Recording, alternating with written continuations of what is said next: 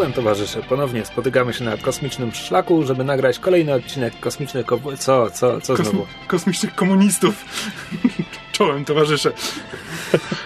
No dobrze.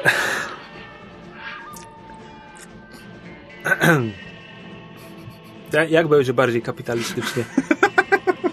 W tym podcaście nie ma miejsca dla nas trzech. Okej, możecie nagrywać beze mnie, jeśli tak bardzo nie chcesz. Nie, nie, ty stanowisz mniej więcej połowę kontentu w, w tych odcinkach, więc nie. Poza tym ciebie łatwo się montuje. Prawda? Po prostu się przeskakuje do końca twojej wypowiedzi. Nie, nie, nie o to, że nie dlatego, że nudno czy coś, tylko po prostu ty masz zwięzłe, ciągłe, ciągi wypowiedzi, ładne, okrągłe zdania i po prostu ufam twoim wypowiedziom i dzięki temu sobie trochę przycinam na czasie w montażu. No więc głos, który mi tak kazi, to Rafał Pataty. Ja jestem Krzysiek Seran, a trzeci przy mikrofonie jest Kamil Borek. Hello.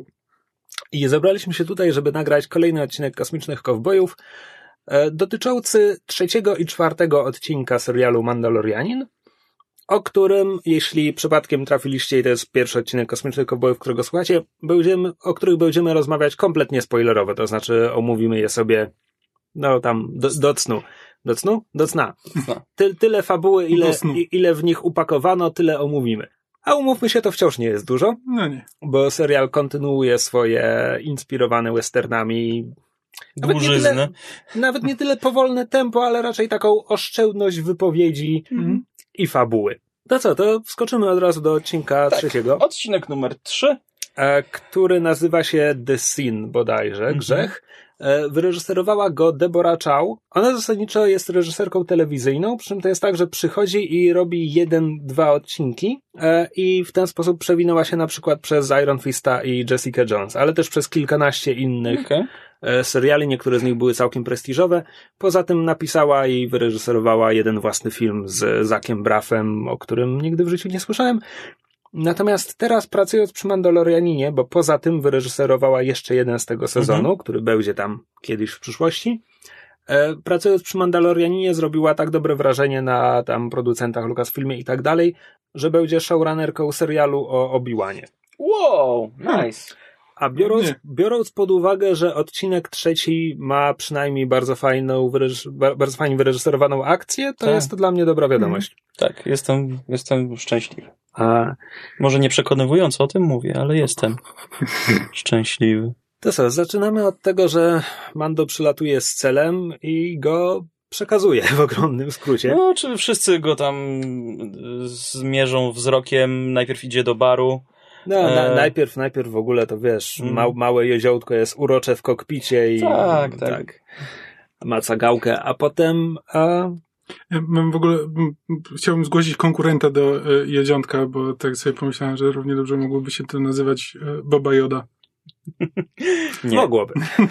Sorry, Rafał. jodziątko zostaje. E, Poza tym następny odcinek e, utwierdzi nam w dialogach płeć Joziołtka. Bo w, w- pod koniec czwartego mówią o nim per on. Aha, okej. Więc wy, wygląda na to, że Mandalorianin przewinął Joziołtko w którymś momencie. e, no tak, Czy Joda ma penisa? Może dowiemy się w piątym odcinku. Czy kiedy drzewo pada w lesie? Nie no, bo ej, nie wiemy, czy przewijanie samojodziątka by pozwoliło płeć określić, bo nie, nie wiemy o tej rasie Masz wystarczająco dużo. rację, może mieć kloakę. Może mieć. I tego mu życzymy. E, Dobrze, wróćmy do odcinka. E, bo co? Bo, bo, bo Mandalorianin przyleciał Oddać dziecko. oddać dziecko. I potem zaczął zadawać niewygodne pytania, na które wszyscy się oburzali, że jak, jak śmiał się dopytywać, co, Tak, no co bo dalej będzie z jest, dzieckiem. jest scena, w której przekazuje dziecko imperialnym e, i oczywiście Werner Herzog nie chce mu odpowiedzieć, ale daje mu ten tam lodówkę piknikową pełną Mhm. bezkaru. I, I w zasadzie też nie bardzo po, po ich reakcjach, po, po reakcji Herzoga czy doktora Pershinga trudno powiedzieć, jakie oni właściwie mają zamiary Mm. e, względem Joziołtka. Tutaj zdecydowanie cieszą się, że je widzą i że jakby udało mu się je dostarczyć. Tak. No ale Herzog generalnie chce tylko, tam była mowa o wydobyciu jakiejś substancji i, i, Zakładam, i że chodzi o materiał genetyczny. Teo, teoria, którą e, bodajże słuchaczka nam podrzuciła jako takie. Podobno dr Pershing ma na rękawie jakieś emblematy, które przypominają emblematy, które były widziane na Kamino w Wojnach Mhm. Klonów, Widziałem to. to e, co sugerowałoby jakiś background w, w klonowaniu. No tak. No i Czy to, mamy... Słuchaj, Znaczy- miej całą armię Jodów. jodów. no. No. Jest to, jest to możliwe. Głupsze rzeczy się zdarzały w tym uniwersum, tyle powiem. Jodarmia. E, tak, no więc e, Mando zadaje niewygodne pytania, nie otrzymuje na nie odpowiedzi, i więc wychodzi z lodówką bez karu i idzie do swoich, gdzie z jednej strony zostaje mu wykuta cała zbroja. Zastanawiałeś się, ile odcinków to potrwa, ale, O, ale nie, on już tutaj wszystko Mhm. naraz dostaje. A z drugiej strony jest konflikt pomiędzy nim i Mandalorianinem z ciężkim karabinem. Bo Podobno jest... nazwisko ma Wizla. Przepraszam, skąd to wiesz? Pytam, bo Wizla to znaczące nazwisko. Wiem, wiem, że jest znaczące, ale e, wiem to stąd, że widziałem e, figurkę jednego z tych Mandalorian już gotową do sprzedaży, tak jakby. I nazwana było ten właśnie z kara- karabinem obro- obrotowym miał podobno w nazwie Wizla. Co by znaczyło, Bo ja, że... ja też widziałem tę figurkę, ale na opakowaniu tam jest tylko Heavy Ordnance Mandalorian. Bez imienia. Okej. Możliwe, że gdzieś w komentarzach. Może. E, Rzecz w tym, że Wizla, Wizla był przywódcą Mandalorian. E, Hmm. Na tym etapie, tak jak mówiłem, e, w, w historii Mandalorian, którą dopowiedziały komputerowe wojny klonów, są takie, że oni kiedyś byli wojownikami. Kiedy zaczynają się wojny klonów, tam rządzą pacyfiści, ale jest. Animowane wojny klonów. Animowane, znaczy komputerowo animowane wojny No klonów. tak, tak. w odróżnieniu od wojen klonów Tartakowskiego. I, I jest tam organizacja, która chce powrócić do tych dawnych, Death Watch.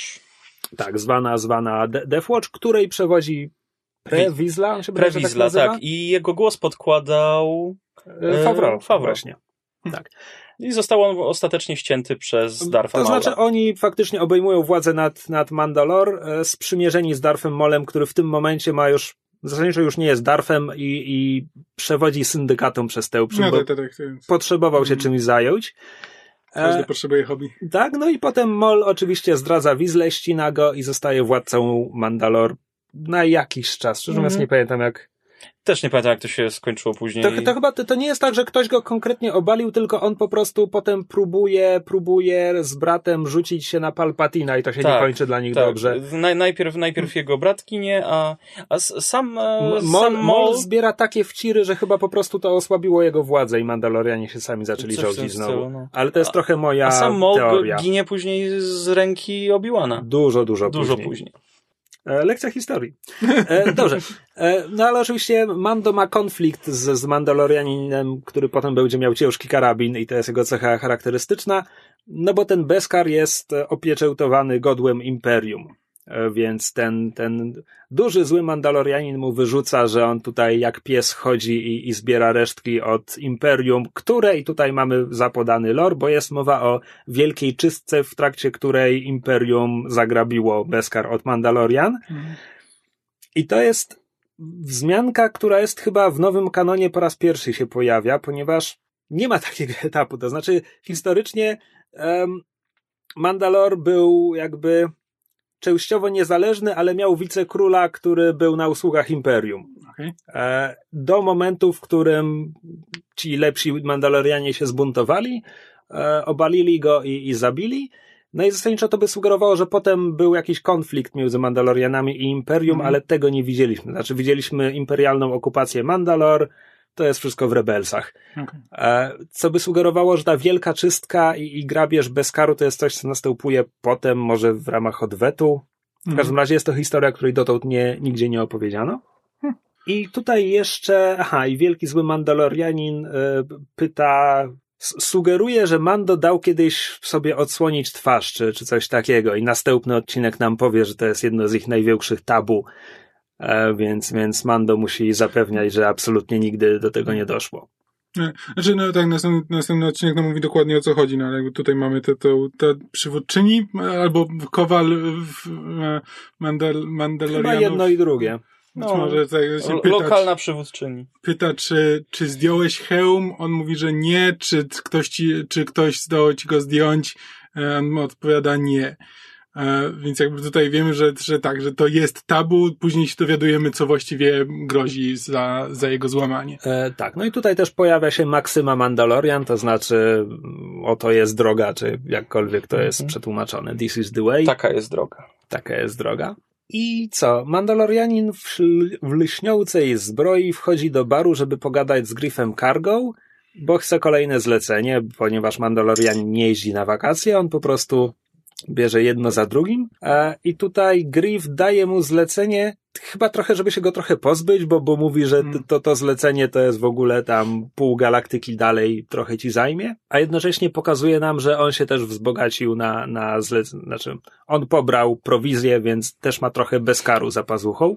W ogóle jak Mando wchodzi, wchodzi do tego baru, to to jest, coś, to, to jest bardzo westernowa scena, kiedy Mhm. wszyscy się po prostu za nim, e, za nim oglądają i No tak, patrzą ale z podełba. Ten pierwszy moment, kiedy go, widzimy go w, w Nowej nowej, zbroi, zbroi. która Tak, tak. też się bardzo wyraźnie odcina od tych no tak, tak, on jakby zwraca na siebie uwagę tą zbroją, ale też ewidentnie jakby wszyscy mają, wszyscy są albo zawistni, albo po prostu im się nie podoba, albo chętnie by mu teraz zabrali te zbroje. Nie wiadomo, co im dokładnie siedzi, ale wszyscy patrzą na niego z podełba. To jakby to nie są, on nie imponuje nikomu w tym momencie, co najwyżej wywołuje zawiść. Dobrze, dobrze ujęte. No i to jest kolejny moment, kiedy Mando zadaje niewygodne pytania, bo pyta Griffa Kargę, co, co imperialnie zrobią z Jedziołtkiem. Nie wiem, czemu zakłada, że Karga miałby to wiedzieć. Przecież łowcy nagród nie zadają takich pytań i Mando też nie powinien zadawać takich pytań. Mhm. No I przyjąwszy zlecenie, Mando idzie na swój statek, którego nazwa też pada chyba w czwartym odcinku. Razor Crest? Mam wrażenie, że coś takiego. Ja, ja się zastanawiałem, czy to jest nazwa statku, czy nazwa miejsca, gdzie go zaparkował. Bardziej Go pasuje. back to the Razor Crest. Właśnie I bardziej mi pasuje na nazwę statku. Na pewno jest już zabawka na półkach, można sprawdzić. Tak, przed świętami na pewno będzie już wszędzie. Aczkolwiek są problemy z małym jodą, w sensie twórcy serialu tak bardzo chcieli to utrzymać w tajemnicy, że nie ma merchandise'u. Bo gdyby był merchandise, To to, by byłby wypłynęło. reklamowany od Tak. pół roku i wszyscy by wiedzieli, że będzie małe, małe jodo. Tak, no więc to Razor Crest to jest nazwa statku. Okej. No i to są dwa słowa. Brzytwo grzbiet? No i Mando już się szykuje do odlotu, już tam uruchamia procedurę przed startem Mhm. i wśród kilkunastu psztyczków, które musi przytyknąć, jest też ta gałka, z której małe jodo ukradło gałkę. No i to jest ten moment, w którym Mm, instynkty opiekuńcze mu się Tak, odpalają. ale to, to była taka scena, że... Jak on pró- próbuje tą gałkę i nie ma tej gałki i on podnosi... O. Znaczy w ogóle jakby te, te, te początek, początek tego, e, tego odcinka tak bardzo podbija jodowatość jodziątka. Mhm. E, te, te, to jest bezwstydne wręcz. No i więc mamy najpierw zwiat. E, Mando postanawia odbić jodziątko, musi się zorientować, gdzie ono jest. Najpierw wyciąga strażników, e, tam urywając łeb skanerowi, który wcześniej jego kartę sprawdzał. E, Potem wysadza ścianę z drugiej strony budynku i zabija wszystkich. I zabija wszystkich. Nie wszystkich. Jedna wioska Galów. E, Zostawia tego doktora, jak Doktora tam? Pershinga. Pershinga. E, tak, to jest, to jest scena akcji, która wyróżnia się dymem Tak. e, i tym, że szturmowcy odpalają e, latarki, które mają przy blasterach, co jest jakby, to jest typowy widok z filmów akcji, Mhm. żołnierze amerykańscy z tym biegają i tak dalej i to było od choćby w Republic Commando w grze. Już A, nie mówię o wszystkich Mhm. Clone Warsach i tak dalej, gdzie jakby już się posługiwano tym, tym, tym widokiem, tym, tym obrazem. No ale jeśli chodzi o live action Gwiezdne Wojny, to jest, jest to Mhm. chyba pierwszy raz. W ogóle ta scena, scena tej infiltracji jest bardzo fajnie zrobiona i tak pomyślana. Więcej, skry- owszem, jest dużo rozwałki, ale skradanie jednak jest Znaczy dużą tak, częścią. wi- widać, że jakby to jest zaplanowane podejście, jakby, znaczy, Na chłodno. tak, e, a nie tylko taki, że e, wejdę i zrobię rozpierduchę i zobaczymy, co się stanie. E, Mniej Django, y, tylko tego Django Tarantinowego, a, a więcej, więcej feta. Django, Fed. E, tak, no i, i po tej starannie zaplanowanej akcji okazało się, że Mando nie zaplanował sobie odwrotu, po prostu idzie przez środek miasteczka z kołyską z małym jodo e, i zostaje otoczony przez wszystkich łowców nagród w mieście. No tak, e, mamy scenę, kiedy się aktywują Ale ominęliście bardzo ważne, dostał nową broń i nowej broni użył. A, tak, te świszczące ptaki czy coś takiego. A, on to są... Tak, A, mini dobra, to jest to, to, o czym ona mówi, tak, tak, Tak. tak. Jakoś kompletnie zdążyłem o tym zapomnieć. Tak, i to jest właśnie, to jest kolejny moment, kiedy ten serial tak bardzo przypomina grę komputerową, Tak. gdzie on od, od Panikowal dostaje kolejne upgrade'y, jakby, zwłaszcza tutaj, kiedy to jest konkretny gadżet i pięć minut później mamy pokazane, jak bardzo jest konkretny i jak bardzo mu się przyda ten jeden raz. Tutaj, znaczy ja, ja w ogóle jakby tego nie, nie zakodowałem, bo to było w kontekście tego, że ona mu mówi, że zrobi mu tam ornament w kształcie tego Big Horna, czy jak on Mhm. to tam Matt nazywa. Horna. E, tak, Matt Horna. E, I potem on mówi, że nie, nie może, bo go nie pokonał honorowo. I ona mówi, że okej, w takim razie zrobię ci świszczącego ptaka. E, I jakoś cały czas miałem wrażenie, że ona mówi o ornamencie. I, jakoś, A, I okej. po prostu tak mi wy, wy, po prostu pominąłem to w, na zasadzie, a pewnie gdzieś tam wróci, nie wiem co znaczą świszczące ptaki w, wiesz, w symbolice Mandalorianów, ale dobra, Ale to by było głupie, indziej. jeżeli to by było jednorazowego użytku, albo że musiałby bez karu znowu użyć, żeby załadować pociski. No ale tak to brzmiało z tego, co Wyrzutnia ona może jest z bez karu, ale chyba ona odlewała też te pociski z bez karu. To nie by było wiem, bez ona sensu klepie trochę. młotkiem, wiesz, lecą iskry, no ty, tyle tam No widać. tak. Ale dla mnie to by było naprawdę impressive, gdyby on ich wszystkich zabił, a potem drugim ruchem nadgarstka te wszystkie ptaki by wróciły na miejsce. To, to by było warte zużywania tego super wartościowego metalu na zwykłe pociski, które zostaną w przeciwnikach. A propos, warto wspomnieć, że odezwał się słuchacz, który e, obalił twoje kosmiczno-kowalskie No. teorie, mówiąc, że są przypadki, kiedy kuje się Odlane rzeczy. Odlane rzeczy, tak. Zwracam, zwracam honor Także twórcom. Znaczy ja podejrzewam, że oni, oni robi. tyle tego nie, aż tak tego nie analizowali. Myślę, że i tak im chodziło po prostu o walenie młotkiem. E, a propos też walenia młotkiem, to z, mamy też sceny z, znaczy flashbacki, które właściwie już widzieliśmy, tylko trochę są wydłużone. Tak, bicie, Ale- bicie młotem zawsze przypomina Mandalorianinowi dzieciństwo. Tak, e, z jakiegoś powodu, no i, ale nic nowego się nie dowiadujemy tak naprawdę z, ty, z tych scen, z tych flashbacków, o ile, o ile się nie, specjalnie. Znaczy, tam widać w pewnym momencie e, droida bojowego, który brał udział w tej masakrze, A, czego no chyba tak. nie było widać w pierwszym odcinku. No tak, czyli jakby Trochę to, to, to, to, nam jakby mniej więcej pokazuje, w którym momencie historii to musiało To, no tak, to by, to by sugerowało, że jego rodzice zginęli przypadkiem w wojnach klonów. Mhm. E, no tak, więc łowcy nagród otaczają Mando, Griff Karga mówi oddaj nam Bobo Jodo, ale, ale nic z tego, wywiązuje się strzelanina. No i tam po kilku, po kilku manewrach Mandalorianin zostaje kompletnie otoczony, bo leży na pace kosmicznego pick-upa, e, który już nie ma kierowcy, bo, bo łowcy nagród odstrzelili droida, chyba nawet Griff Karga jako ten Tak. jedyny nazwany może coś zrobić, co faktycznie szkodzi Mandalorianinowi. Znaczy, to jest, ja wiem, że to jest odwieczny, odwieczna dyskusja na temat jakby droidów e, w świecie Gwiezdnych Wojen, Mhm. a jakby na co komu są droidy, jeśli można ich zastraszyć?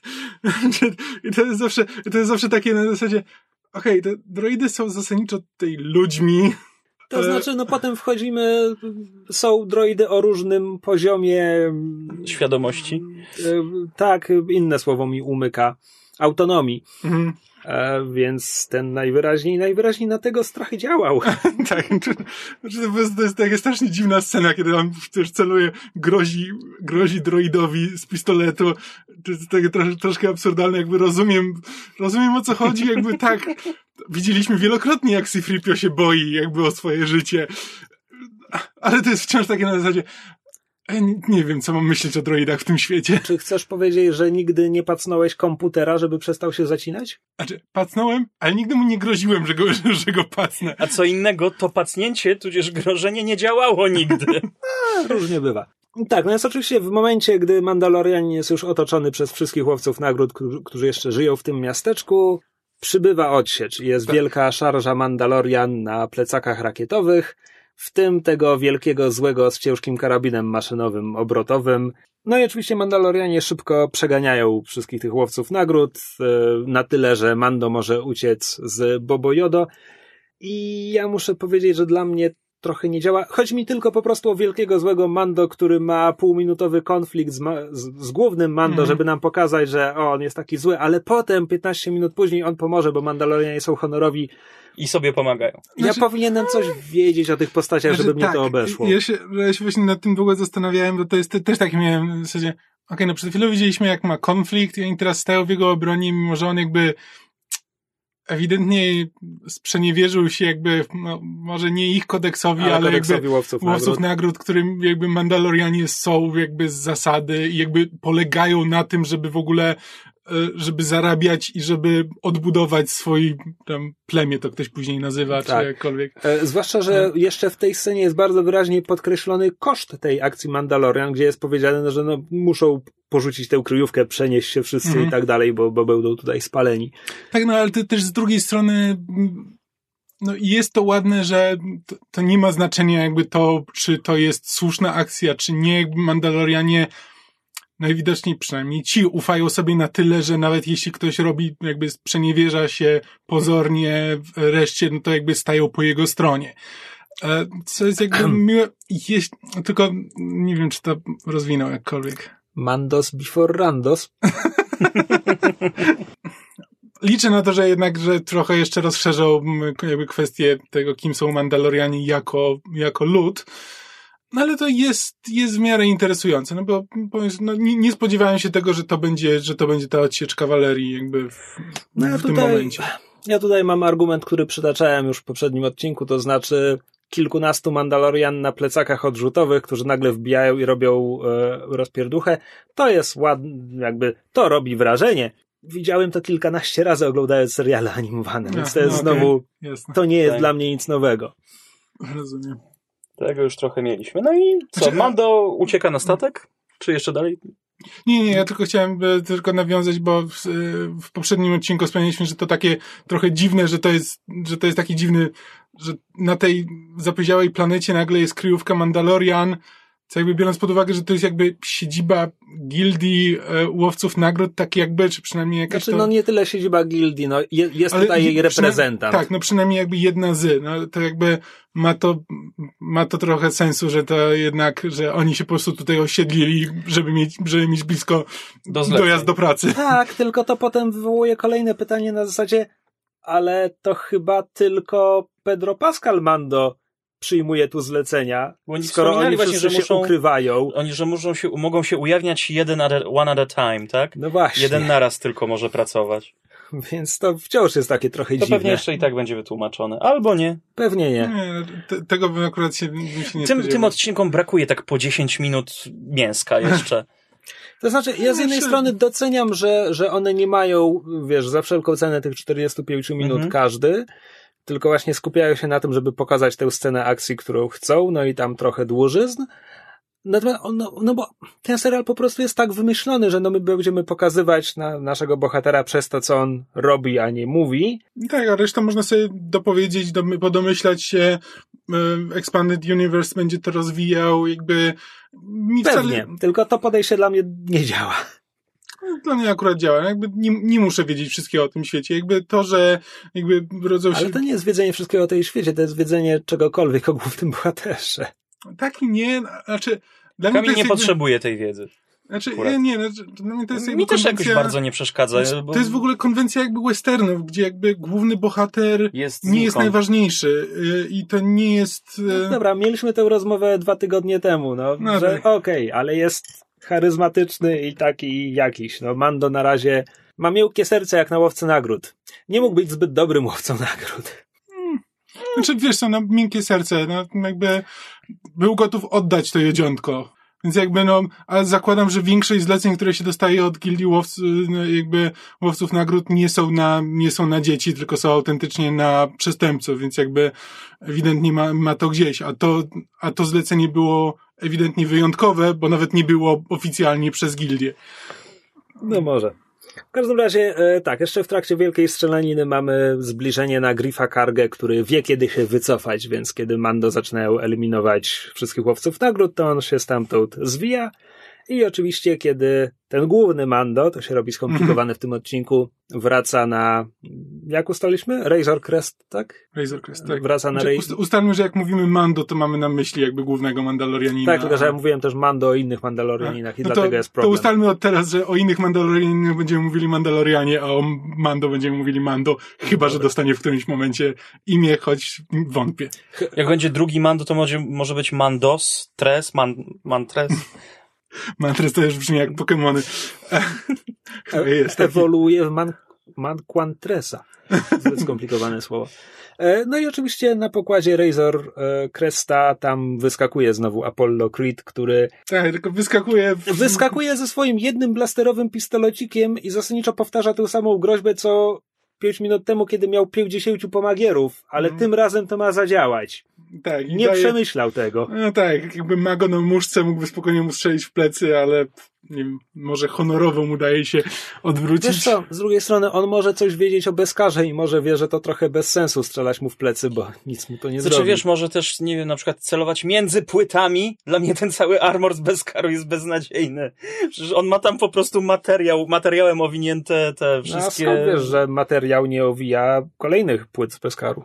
Czy to mogą być takie główne płyty, tam może być trochę jakby Beszkaru, trochę, wiesz, Bez- cieńsze Beszkar był w Numenerze Krzyśka. Bezkarów. Mogą być cieńsze, cieńsze warstwy tam gdzieś pomiędzy. Original character, do not steal. E, no tak, więc e, Mando, co? Mando wykorzystuje przenośne urządzenie do zamrażania w karbonicie, żeby tam odwrócić uwagę Karla Wedersa i strzela do niego i sobie wesoło odlatuje, ale oczywiście Karl Weders miał srebrniki za, za pazuchą, Be Beskarowe. e, więc, więc tak, sztaba bez karu go ocaliła. E, Czyli zaatakował Mandalorianina bezkarnie. to gdyby rzucał niego tymi sztabkami. Co swoją drogą mogłoby być skuteczniejszą strategią. tak. E, tak, co, co sugeruje mi, że jeszcze zobaczymy Karla Wedersa w tym serialu, co Ja się No, cieszę. byłoby spoko, on jest zawsze charyzmatyczny. E, a Mando sobie wesoło odlatuje gdzieś. Właśnie. e, Jedno, co mi się jeszcze przypomniało, to myśmy w ostatnim odcinku jakby wspominali, że jakby, który tam pierwszy, czy e, te, pie, że pierwszy odcinek sugeruje, że tam są jeszcze inne grupy szukające tego jodziątka, że ci, e, że ci łowcy nagród nie zostali wysłani przez tego samego e, zleceniodawcę.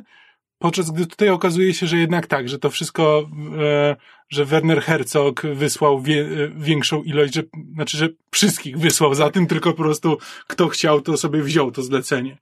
Co trochę, tak. Wydawało się, że będzie to ciekawsze, prawda? No właśnie tak, Mhm. liczyłem, że to jest, że to będzie większa intryga, w którą są zamieszane różne Tak. strony i coś się stanie, To, to, to, też, będzie... to też ciekawe, że tylko w rozmowie z Mando Może tylko przy, przy rozmowie z Mando był ten doktor, który mówił, że o, musi żyć, a, a reszcie Hercog mówił, a możecie zabić, e, możecie zabić, przywieźcie tylko materiał. Bo Hercogowi najwyraźniej zależy Ale tylko na materiale genetycznym, tylko, a nie... tylko, że Herzog w rozmowie z Mando, on był z pozycji, że oczywiście cel musi żyć, no ale jestem realistą. Mhm. Więc to też trochę nie pasuje. Mm. No to mamy najwyżej nieścisłość pierwszą jakąś, Mm. większą. No tak, no to, znaczy no, chyba, że to się, chyba, że jakby Werner Herzog jakby to mo, że tak wysłał większe, więcej ludzi, ale na przykład IG-88 rzeczywiście został Był na- wysłany przez tak, kogoś to jeszcze innego nie jest jeszcze. więc... I A, 11. Przepraszam, 11. To jest trochę dziwne, no nie przekonamy się, czy to do czegoś zmierza, czy nie, e, ale tak, ale to taka trochę dziwna nieścisłość. No i co? Mando odlatuje, ma obok siebie jedziątko i koło niego jeszcze przelatuje ten e, heavy armored e, Mandalorianin. No tak, Mando tylko komentuje, że, że musi sobie taki sprawić Jetpack. jetpack w domyśle. W domyśle jetpack. No tak, tego jeszcze mu brakuje do zestawu. Co sądzicie o tym odcinku?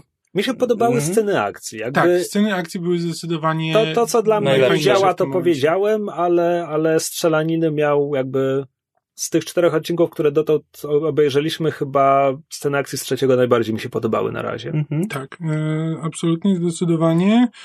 Znaczy, ja jestem sporym fanem następnego odcinka, ale to bardziej jakby w kwestiach, nie, że później do tego dojdziemy, ale ten, ten, ten był naprawdę, znaczy ten mi się po prostu podobał, fajnie mi się go oglądało. To ma swoje, ma swoje tam problemy, może, wiesz, może to nie jest, e, nie, nie rozwija tego świata w tak ciekawy sposób, jak mógłbym chcieć, albo wiesz, mam tam trochę, trochę wątpliwości co do wątków, które wprowadza, ale, ale naprawdę fajnie mi się go oglądało. Ty brzmisz jakbyś miał jakąś bombę do zrzucenia, co ci się w tym odcinku nie podobało. Co? Nie. Nie, bo tak za- zapytałeś nas, e, czy, czy podobał nam się ten odcinek. Nie, nie, ale ja A. powiedziałem, jakby to, co mi się nie podobało, już w trakcie Okej, omówienia okej. mówiłem, co mi się nie podobało, natomiast sceny akcji miał bardzo fajne, a ponieważ ma dwie duże i zasadniczo głównie o nie chodzić w tym odcinku, Dlatego, dlatego mówiłem, że właśnie to, że Deborah Chow będzie showrunnerką Obi-Wana, jakby napawa mnie Mm, nadzieją, mhm. że cokolwiek tam będzie, przynajmniej sceny akcji będą dobre. Plus też to sprawia, że czekam na jej drugi odcinek w tym sezonie Mandalorianina, A, bo ma mhm. być jeszcze jeden. No to co? e, Odcinek zdecydowanie na plus. Tak, Mhm. tak. E, No to teraz przejdźmy do, e, no, do nowego odcinka Wiedźmina. E, No, come on, czwarty odcinek to jest Wiedźmin. Kos kosmiczny Wiedźmin. to jest Siedmiu Samurajów tak. i to jest No. dla mnie główny problem tego odcinka, ale to sobie powiemy Znaczy właśnie, potem. to jest, to jest coś, co mi się właśnie z jednej strony podoba, z drugiej strony prowadzi do tego, że jakby możesz przewidzieć cały odcinek od początku do końca, Mhm. tak, jakby znając tropy, ale Czwarty odcinek nazywa się Sanctuary, czyli schronienie. Wyreżyserowała go Bryce Dallas Howard, tak jak zapowiadałem w poprzednim odcinku podcastu, że będzie miała jeden w tym sezonie. Przy czym Bryce Dallas Howard sprawdziłem jej dorobek jako reżyserki jest mały. To znaczy ona Mhm. reżyserowała głównie krótkometrażówki, dokumentalne i fabularne i wyreżyserowała jeden dokument. Natomiast jeśli chodzi o seriale fabularne, filmy fabularne, nic takiego nie robiła, więc pod tym względem to jest jej debiut. I wygląda trochę jak debiut. I co? I odcinek zaczyna się w momencie, gdy Mando przeszukuje kosmiczne Google Mapsy, żeby znaleźć sobie jakąś cichą planetkę. Kłamie, to nie jest początek tego odcinka. Odcinek zaczyna się na cichej planetce od pokazania nam Tak, wioski. znaczy, Gdzie od- w lesie jakieś potężne kroki i olbrzyma słychać. Sceny, od sceny otwierającej Konana zasadniczo. E, No E. tak, no bo jest kosmiczna wioska rdzennych, białych ludzi. No nie, nie tylko. E, ale, ale w dużej mierze. E, Którzy- Które atakują kosmiczne orki. No, znaczy najpierw mamy minutową idyllę, kiedy oni sobie ten hodują i łowią Krewetki. e, kre, niebieskie krewetki. Ka- każda wioska napadnięta przez orków jakby No jest idyllą, zanim Ma, zostanie mała, napadnięta. mała dziewczynka goni za żabą i goniąc za żabą oddala się od wioski w ten sposób, że kiedy przychodzi horda kosmicznych orków, to ona jest najbliżej, więc jej matka musi się po nią rzucić. I podczas gdy reszta po prostu ucieka, kiedy orki łupią wioskę, to ona chowa się z nią Koszyku. w rzece pod, pod koszykiem do łowienia krewetek. Tak. Tytułem. Bardzo podobało mi się wykorzystanie droida do łowienia Prawda? krewetek. To, to taki ładny To taka detal. głowa R2D2 i dodatkowe nóżki. E, Tytułem, tytułem wyjaśnienia ci kosmiczni orkowie należą do rasy Klatuinian, Klatuiniańczyków. Czy, czy ta rasa się już pojawiła wcześniej? Tak, e, statysta, jeden, jeden z kosmitów e, w służbie Jabby. Kiedy się strzelają nad jamą Sarlaka, to, to jest taki, widać go całkiem dobrze. A ponieważ pojawił się w tym kontekście, więc potem w Expanded Universe Klatuinianie najczęściej są piratami, gangsterami i tak dalej, Mhm. ponieważ Gwiezdne Wojny bardzo cierpią na problem. Jeśli pokazaliśmy jednego przedstawiciela tej społeczności, to cała ta społeczność taka będzie. Mhm. Co widać, widać nawet na przykładzie Manda Mandalorianinów. Mieliśmy jednego Mandalorianina w, w, oryginalnym, w oryginalnej trylogii, więc cała, cały ich, znaczy gatunek, plemię czy cokolwiek No nie, no. będzie się składało z Boba Fettów. Nie, no, mówiłem ci właśnie, że wojny klonów ro- rozjechały Ja z walcem wprowadzając pacyfistycznych Tak, Mandalorian. E, tak, no i teraz przenosimy się na pokład Razor Cresta, gdzie Mando przegląda kosmicznego GPS-a, żeby znaleźć sobie cichą planetkę, na której może się przyczaić z Bobo Jodą przez jakiś czas i wybiera planetę Sorgan. Co musiałem potem sprawdzać, bo jakoś nie rozumiałem połowy dialogu w tym odcinku i nie wiem, czy to dlatego, że byłem przydżumiony rano, bo kot mi nie dał spać, czy, czy dlaczego właściwie. Gdzie ja sobie oglądałem z napisami, ale nie robiłem notatek, więc i tak ci nie pomogę. E, tak, no i wybiera ją na cel, ponieważ nie ma tam, nie ma tam kosmoportów, nie ma tam przemysłu i zasadniczo zostaje pytanie, czemu ktokolwiek tam przylatuje, zwłaszcza, że kiedy już Mando przyleci na Sorgan, to widzimy, że to nie jest tak, że są tam tylko miejscowi ludzie, są tam też kosmici różnych gatunków, więc Mhm. jednak jakiś ruch tam musi być. Zresztą port może oznaczać, że, że po prostu nie ma tam jakiegoś wojska, czy, czy by, byłej placówki e, imperium, coś w tym stylu, no ale wylądować można, no i jak każda zamieszkała planeta będzie miała przejezdnych i jakiś handel. Może te kosmiczne krewetki są przysmakiem Możliwe, na nie wiemy. Coruscant, więc najlepsi kucharze tam. E, no dobra, i co? I e, aha, w poprzednim odcinku w trakcie Zostackich Łowców Nagród lewitująca kołyska została unicestwiona, w związku z czym w tym odcinku odkrywamy, że małe Jodo E, Chodzi. małe jodo chodzi, drepta. Znaczy ono chodziło wcześniej poza kołyską przecież, No, jak okej, żabę pierwszą zjadł. Racja. No nie zostało nic ściany w trakcie O, zasadzki, tylko po prostu wywalili je do kosza jeszcze A, przy prawda. ten, po prostu imperialni. Prawda. E, Krzysiek, twój brak przygotowania nas. E, Co, co swoją drogą, swoją drogą to jest dość ciekawe, bo to oznacza, że te wszystkie foby naprowadzają konkretnie na małe jodo, a nie jak Mhm. ja zakładałem na kołyskę, w której jest Właśnie, nadajnik. jak one działają? Czy tam DNA, czy, No czy, on, właśnie. czy dzieciak ma wszczepione to? No, Jak- ja nie on- rozumiem, jak ten jak... działa. On, Mandalorianin powinien wiedzieć, jak powiedzmy deaktywować jodo, żeby, żeby nie mogło go trakować. No no. właśnie. Je, jeśli, jeśli to namierza go po, po prostu konkretnie, bo jest taką unikalną formą życia, no bo jodów w galaktyce Mhm. jest niewiele. Ale wszyscy ci jego poprzedni, poprzednie cele te, też tak samo to się za... Jakie Jak, jak, w pierwszym odcinku, jak on przywiózł z tych kilku zamrożonych, to na każdy z nich miał taki nadajnik. Nie, nie, A to nie on- były krążki ze on miał te krążki. Z, z, Nie, położył, były chyba i krążki i miał, pamiętam, pęk, pęk takich pipczyków właśnie. A racja, by było ujęcie z pełkiem pipczyków. Zapomniałem o pęku pipczyku. Okej, to, jest, to jest bardzo dziwne, jeśli to namierza konkretnie na każdego osobnika. To, to, to, to jest absurdalna technologia, ale znowu nie pierwszy raz. Jest powtórzę tylko, bo fajnie brzmi pęk pipczyków. Znaczy, wiesz co, no, jeszcze nie wiemy sko- czego właściwie chcą od Bobo Jodo, więc być może, że ktoś już na nim robił eksperymenty gdzieś kiedyś i jakby mm, są w stanie go namierzać, jakby, że jest w jakiejś kosmicznej bazie, według której mogą, No dobra, której ale to- mogą namierzać, ale no... Znowu, nikt nie robił eksperymentów na wszystkich tych kilkunastu ofiarach Mando, które widzimy w pierwszym odcinku, na które też miał namierzacze. Ale to, to są przestępcy, więc oni po prostu mogą być w jakiejś, wiesz, w kosmicznej bazie danych jakby policyjnej. Mm, Okej.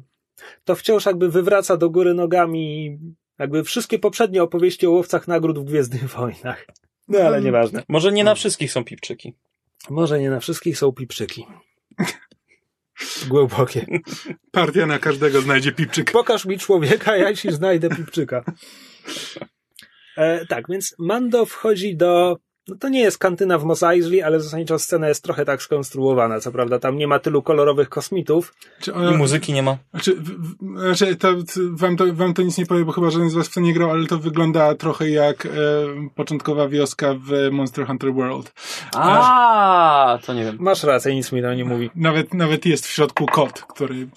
Ten kot ma znaczenie w kanonie Gwiezdnych Wojen. Okej, bo ja po prostu miałem- myśl na zasadzie, o, śmiesznie by było jakby kot z Cheshire zjadł teraz małe jodo i koniec, koniec serialu. Kot, kot, który się wyszczerza gniewnie na małe jodo, należy do gatunku lovecatów, które po prostu to jest L-O-T-H, Okej. He's a love cat. e, które, które panoszyły się przez całe rebelsy. No okej. E, I pochodzą z planety Lodal, wokół której kręcą się całe rebelsy i tak dalej. Właśnie wiedziałem, że skądś to kojarzy, Prawda? kojarzę te koty. Więc to jest znowu tak, jak, jak ktoś oglądał, to jest trochę tak jak Ghost miga przez parę sekund w Rogue One. Mhm. To trochę na zasadzie, obejrzałeś Rebelsów? To masz teraz to stworzonko tylko fotorealistyczne. Em, Ghost to jest statek, którym poruszają się A, bohaterowie Obejrzyj w końcu Rebelsów. tych rebelsów. Nie jest tego aż dużo. Najgorsze pierwsze odcinki. Okej. O Boże, tam na początku są przecież łuki, którzy są te, wyglądają tak tragicznie w Rebelsach. Nie pamiętam tego, czy wyglądają gorzej niż łuki w Jedi Fallen Order. Tak. O wow, Mhm. to sztuka. No, technologia wciąż nie jest na tym poziomie, żeby w komputerze namalować futrzaste stworzenie, tak żeby wyglądało dobrze najwyraźniej. A nie, nie przy takim budżecie. Mm, No właśnie, bo tak właśnie chciałem zapodać Lion King. E, tak, więc e, w, ba, znaczy w barze, jadłodajni, jakkolwiek to nazwać, są e, dwie kobiety ważne dla fabuły. Jedną, no, jedną z nich jest Gina Carano, e, grająca postać, którą potem się dowiemy, że nazywa się Cara Dune, która wygląda jakby umiała o siebie zadbać, więc Mando od razu zaczyna podejrzewać, że kurczę, czy ona jest łowczynią nagród i, i już tutaj na mnie czyha. A drugą jest kelnerka, która będzie udzielać informacji i ja nie wiem, ja nie chcę się na nią uwziąć, ale mam wrażenie, że to była bardzo zła aktorka. Czy tylko ja miałem takie wrażenie?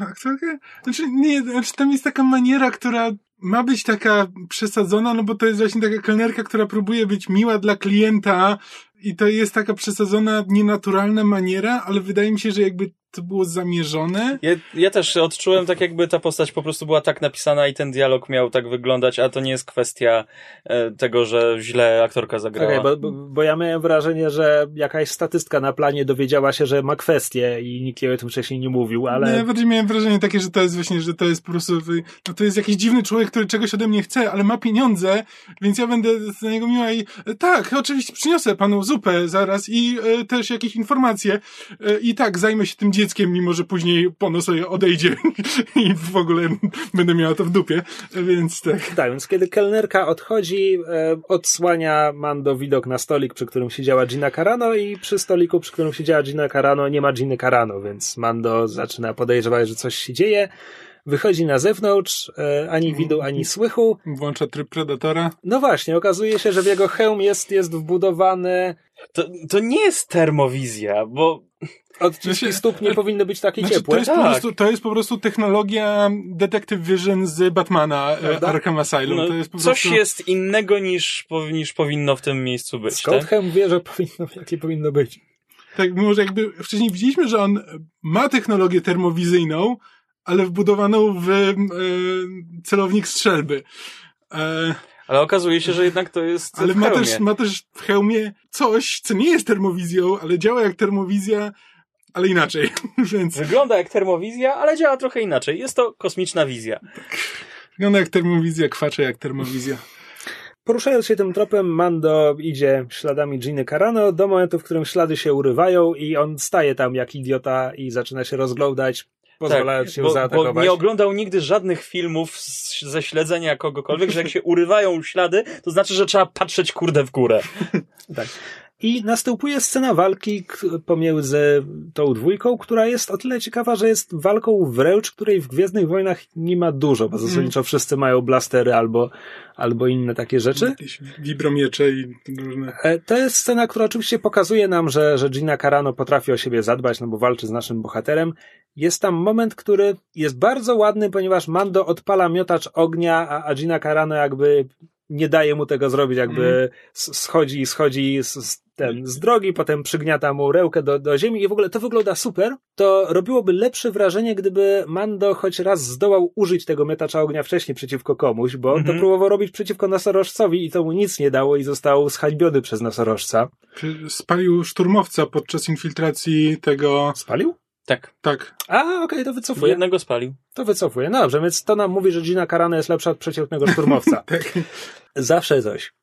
No i tak się biją do momentu, w którym oboje wyciągają naraz blastery, żeby mieć się na muszce, no i to oczywiście przerywa walkę. Właśnie, ale czy ona nie powinna sobie trochę ręki przetrącić, waląc go w hełm? Jest taka twarda, że nie. Mm. To Gina Carano. E, Gina Carano swoją drogą... She was a shock trooper.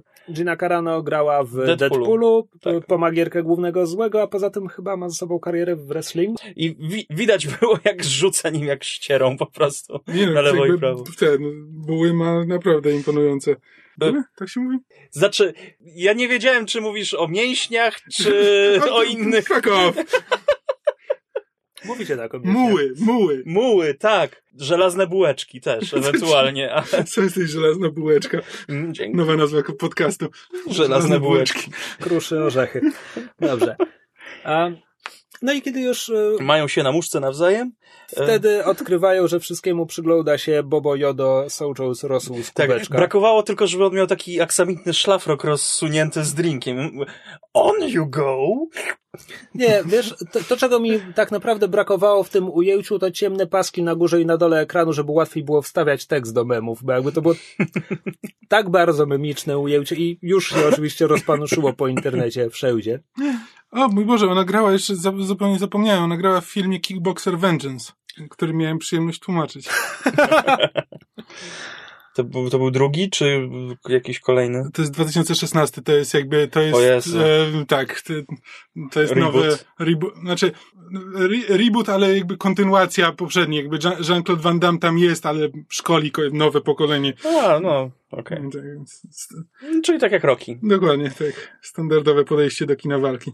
W tym momencie mamy właściwie twarde cięcie i przenosimy Mhm. się z powrotem do jadłodajni, gdzie już Mando siedzi z Giną Carano przy stoliku i, i z Bobo Jodo i z jej ust poznajemy jej historię. Okazuje się, że należała do sił specjalnych rebeliantów, Shock Troopers. gdzie, gdzie po, czyli oddziałów szturmowych, Mhm. czyli gdzie po Endorze, kiedy Imperium się rozpadło na, na małe frakcje, jeśli była sytuacja, że gdzieś jest jakiś wataszka, że, że najlepiej zamiast wydawać wojnę całej frakcji po prostu wyeliminować wataszkę, to spuszczali jej oddział bez żadnego Mhm. wsparcia i oni się tym zajmowali. I tym się zajmowała przez jakiś czas, a potem nastał taki bardziej pokojowy pokój i zaczęło się politykowanie i to już nie było dla niej, więc sobie poszła i podejrzewa, że przez swoją działalność w rebelii może mieć na głowie jakichś ludzi pragnących zemsty i dlatego się zaszyła na tym zadupiu. E, Po czym mówi, że to jest jej zadupie i że ich dwoje to już za dużo na tę całą planetę, bo, bo to już za dużo uwagi by przyciągało, więc Mando musi sobie znaleźć swoje zadupie. I Mando na to przystaje. I to jest zasadniczo tyle. A kiedy pakuje Razor Cresta, żeby odlecieć wieczorem, znajduje go dwóch, e, chciałem powiedzieć, błotniaków, jak w Firefly'u. E, dwóch poławiaczy krewetek, którzy mówią Oj, panocku, bandyci, za, za miskę ryżu i opierunek tak. Wiedźmin! siedmiu samurajów. A gdzie Siedmiu Wiedźminów, ja was pogodzę. Mando, Mando ich zbywa, mówiąc, że oni mówią, że tam cała wioska się zrzuciła, na, na co on mówi, że to na pewno nie, nie wystarczy, żeby go wynająć, chociaż nie pada konkretna kwota.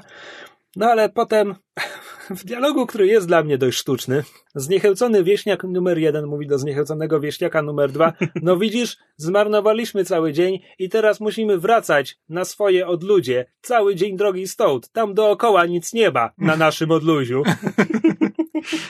Amando, słysząc jakie to odludzie, przyjmuje zlecenie, no bo wykombinował, że zaszyje się z Bobo Jodo na odluziu. U, czyli macie swoje odludzie, macie kwaterunek. Jak macie kwaterunek, to, to do was pójdę. Za kwaterunek i opierunek. tak. Nie, bo u, używał takiego słowa lodging, co, co, co nie jest jakby e, że, słowa, słowa, które się używa codziennie. To są Gwiezdne Wojny. Tutaj na kajdanki mówią binders, a na dzieci younglings. A na toaletę mają przynajmniej pięć różnych słów. W starym Expanded Universe to było głównie refresher, ale w sumie nie wiem, co było w pierwszym E, odcinku tutaj. Nie, e, znaczy w tym odcinku było, było coś innego.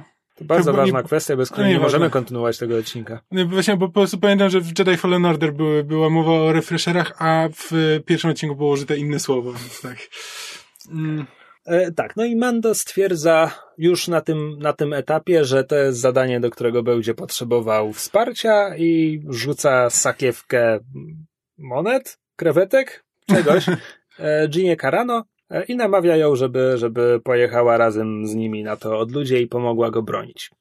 I na tym etapie oni wiedzą tyle, że tam kosmiczni orkowie, e, co mówią wieśniacy? Wieśniacy mówią, że kosmiczni orkowie ukradli nam całe zbiory krewetek i chyba zadanie polega na tym, żeby odzyskać te zbiory, ale oni potem wysadzą je w powietrze, więc ja w sumie nie wiem, na czym polega zadanie, które przyjmują na tym etapie. Znaczy, ja, ja miałem wrażenie, że chodzi po prostu o obronę jakby przed, e, przed atakiem. Albo po prostu, Ale żeby wybić się, Oni tak. już zostali zaatakowani, już zabrano im wszystko, co mieli. Po co kosmiczni orkowie mają tam wracać? No bo, słuchaj, nie wiemy jak często mają zbiory. Więc możliwe, że za Nie miesiąc wiem. są kolejne zbiory i za miesiąc znowu by im zabrali, więc... No dobrze. W Siedmiu Samurajach jest e, narzucony przez bandytów e, ultimatum na zasadzie zaraz będzie sezon zbiorów, to co zbierzecie, wam zabierzemy, więc wieśniacy wiedzą, że mają chwilę na wynajęcie tej Mhm. obrony. Mój problem z tym odcinkiem, e, to jest pierwszy moment, kiedy mogę to powiedzieć, potem być może jeszcze to powtórzę, jest taki, że Siedmiu Samurajów to jest arcydzieło Kurosawy, które ma mm, trzy godziny. Upchnięcie ich w 40 minut nie działa. Mm. Lecimy dalej. E, Na miejscu w, we wiosce e, My, my upychamy dwa odcinki, w tym jeden, który ma upchniętych siedmiu samurajów w jeden podcast. Tak, który jest dłuższy niż te dwa odcinki razem wzięte, więc. E, No tak, w każdym razie na miejscu, tak, Mando otrzymuje kwaterunek. To wcześniej jest oczywiście scenka, jak małe dzieci rzucają się po Bobo Jodo, co jest jakby, że tak powiem, to jest, e, życie będzie naśladowało sztukę, kiedy do sklepu wrzucą pluszowe Bobo Jodo. Po czym Mando e, zostaje mu pokazany kwaterunek. Kwaterę pokazuje mu matka z pierwszej sceny tego odcinka, ta, która ratowała swoją córkę, która jest e, matka jest młodą, ładną wdową, czego dowiemy się później, ale zasadniczo serial bardzo szybko pokazuje, że ten tajemniczy człowiek, którego twarzy nikt nigdy nie widział, e, ją interesuje. No tak, to jest, to jest strasznie dziwne. To jest. Tak, to, to, no to, to jest taki obligatoryjny wątek romansowy na zasadzie, że hej, tutaj na tej planecie mógłbyś mieć wszystko. Nie mamy czasu pokazać, e, skąd to wszystko się bierze, ale, ale musimy pokazać wszystko, więc e, proszę, wszystko.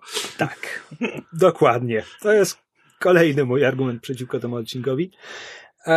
W każdym razie Mando i Dż- m, Karadun, może zacznę ją nazywać jej imieniem, e, idą, żeby się rozeznać w sytuacji. I w ramach rozeznania się sytuacji nie idą obejrzeć obóz kosmicznych orków, bo już w lesie trafiają na ślady, które im mówią. To jest bardzo ładna scena, bo widzimy wielkie ślady czegoś i ja szczerze mówiąc nie załapałem o co chodzi. Ja, mi się wydawało, że to są ślady wielgachnych butów. Co tak naprawdę? Ej, to są Gwiezdne Wojny. Czy, czy tam były olbrzymy jakieś? W butach? Z czego by robiły te buty? Czemu te buty mają ślady, ta, taki wzorek na podeszwie? Znaczy, ja, mi się to skojarzyło, ale to głównie dlatego, że już przy pierwszej scenie, kiedy po prostu słychać pierwsze jakieś odległe bum, bum, to miałem takie, czy zaraz tutaj wejdą at-aty na ten, ten, przez ten las? E, ale, Ale, No, ale, ale nie, bo w tym dialogu jakby Mando i Karadun nie mają wątpliwości, że to na co patrzą to są ślady Ad ST, czyli dwunożnej maszyny kroczącej, znanej głównie z powrotu Jedi. No tak. Przeznaczonej do walki w dżungli. Znaczy, znaczy tak wynikało z filmów. Znaczy, chodzi mi o to, że Znaczy- filmach służyła do walki w dżungli. To, bo to, to jest tak, bo czworonożne ataty są nominalnie transporterami dla, dla żołnierzy, opancerzonymi Mhm. transporterami dla żołnierzy, dwunożne służą za maszyny zwiadowcze. Mhm. Zresztą w bitwie o Hof, chociaż nie wiem, czy to nie jest przypadkiem dodane dopiero w edycji specjalnej, y, są ujęcia, gdzie obok wielkich atatów są też małe atesty, które ich Ha. przydzają. Właśnie pamiętam. dlatego zastanawiam się, czy to było dodane w edycji specjalnej, bo to jest tylko kilka ujęć i one nie mają wpływu na bitwę i nie ma żadnej sceny, gdzie, nie wiem, snowspeedery się z nimi strzelają, czy coś takiego. Mhm. Więc mam Możliwe, wrażenie, że to jest taki dziwny dodatek, który George Lucas by dorzucił potem. No, brzmi bardzo jak dodatek, który Prawda? George Lucas by dorzucił potem. Maklanki. No więc, zobaczywszy ślady Ad ST, e, nasi bohaterowie wracają do wioski, żeby powiedzieć wieśniakom, e, tu nie ma, tu, tu się nie ma co zastanawiać, tu trzeba spierdalać. A wieśniacy mówią, ale mój dziadek Cześć. siał te krewetki. Znaczy, tam jest taki dialog w pewnym No momencie. tak, że, że, żeby przygotować te stawy, w których oni Znaczy, to hodują, że- to zajęło że- ileś, No ileś pokoleń. No i tak, No- dziadek siał te krewetki. No tak. Okej, dobrze. Siał florę, którą się żywią, ale... A, no i oczywiście wieśniacy mówią, że nie no, to nasza ziemia z dziada, dziada, dziada, tam zasadniczo nie ma mowy o większej liczbie pokoleń niż te dwa, ale to już są pokolenia w liczbie mnogiej, więc oni się nigdzie nie ruszą. No i Mando i, i Gina Carano stwierdzają, że, znaczy Manda zasadniczo mówi, że jeśli tak, nauczymy ich walczyć, to jest tu jakaś szansa powodzenia. Co rozpoczyna nam montaż. Tak, podczas którego Brakuje tylko leci do, dobrego American Man Out of You. 90s rock. I'll make a man out of you, tak, siedmiu samurajów, tak, jakby pewnie. Mamy szkolenia. E, Tak, mamy szkolenia są- wieśniaków, którzy dosłownie nie wiedzą, którym końcem trzymać dzidę. O Jezus Maria, tak, jest taka scena. Zasadniczo w montażu są trzy wątki. Wątek pierwszy jest taki, że poznajemy plan. Plan zakłada wykopanie wilczych dołów i ATST na pewno w nie wpadnie, bo taki jest plan. Tak, znaczy to jest naj, najdziwniejszy plan, jaki w życiu słyszałem. Znaczy, I później jego wykonanie też jest Tak. absurdalne.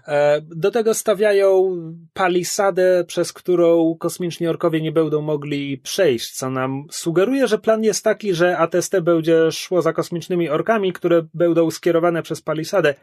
ATST mogłoby sforsować palisadę, żeby kosmiczne orki weszły gdziekolwiek, ale PAL 6, strategia, Czy tak, w ogóle to ATST ma celność gorszą niż przeciętny szturmowiec.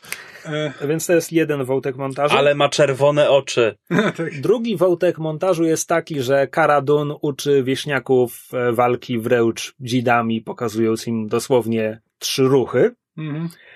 No ale dobra, nie mieli czasu na więcej. I trzeci wątek montażu jest taki, że Mando uczy ich strzelać, I tutaj dowiadujemy się, że wdowa strzela absurdalnie dobrze. E, wdowa swoją drogą ma imię, ona się nazywa Omera, więc Omera strzela absurdalnie dobrze, bo i to nawet nie jest scena, że u, ona ma talent, ona mogłaby się nauczyć dobrze strzelać, ona dostaje karabinek, z którego strzela krótką serią i wszystko trafia w małą patelnię. Tak, co jest wątkiem, który nie ma żadnego znaczenia w tym, w tym odcinku. Tak, bo ona nawet chyba nikogo nie zas później nie zastrzela nawet. Czy, nawet nie wiem, być może. No ona Czy- coś czy gdzieś to- tam strzela parę razy, ale zasadniczo nic nie robi w tej walce. Znaczy przynajmniej nie przyczynia się w żaden fabularnie ważny sposób do tej walki. Tak.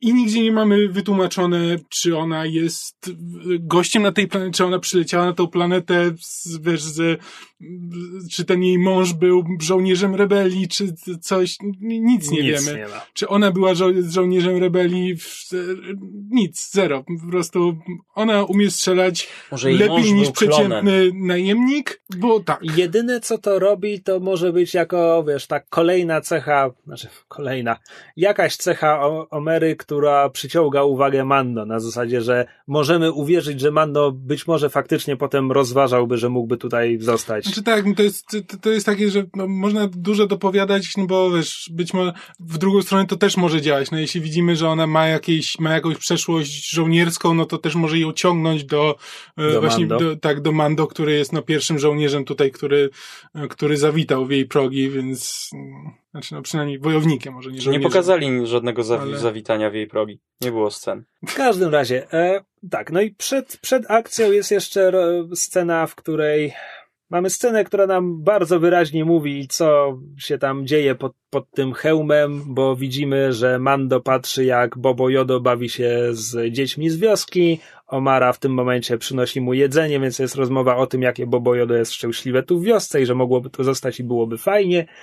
I jest rozmowa o hełmie Mandalorianina Tak. bo Omara już, już wcześniej był, był taki moment, gdzie ona mu dawała jedzenie czy coś takiego i zauważyła, że on nie je przy ludziach, więc ona w tym momencie już tylko mówi, że zostawi mu jedzenie i sobie pójdzie, ale jest też rozmowa o tym, kiedy ostatnio zdejmował hełm, na co on odpowiada, że wczoraj, a ona potem dopytuje, no ale tak przy kimś?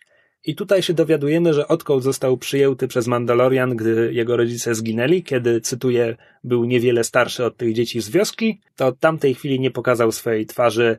I tu właśnie trochę nie wiem, ja nie wiem jak rozumieć ten dialog, czy to jest nie pokazał swojej twarzy nikomu, czy nie pokazał swojej twarzy nikomu spoza Mandalorian, ale z drugiej strony biorąc pod uwagę, że duży zły Mandalorianin chciał mu ściągnąć ten hełm jako taki akt agresji, to by sugerowało, że między Mandalorianami oni też sobie nie pokazują twarzy.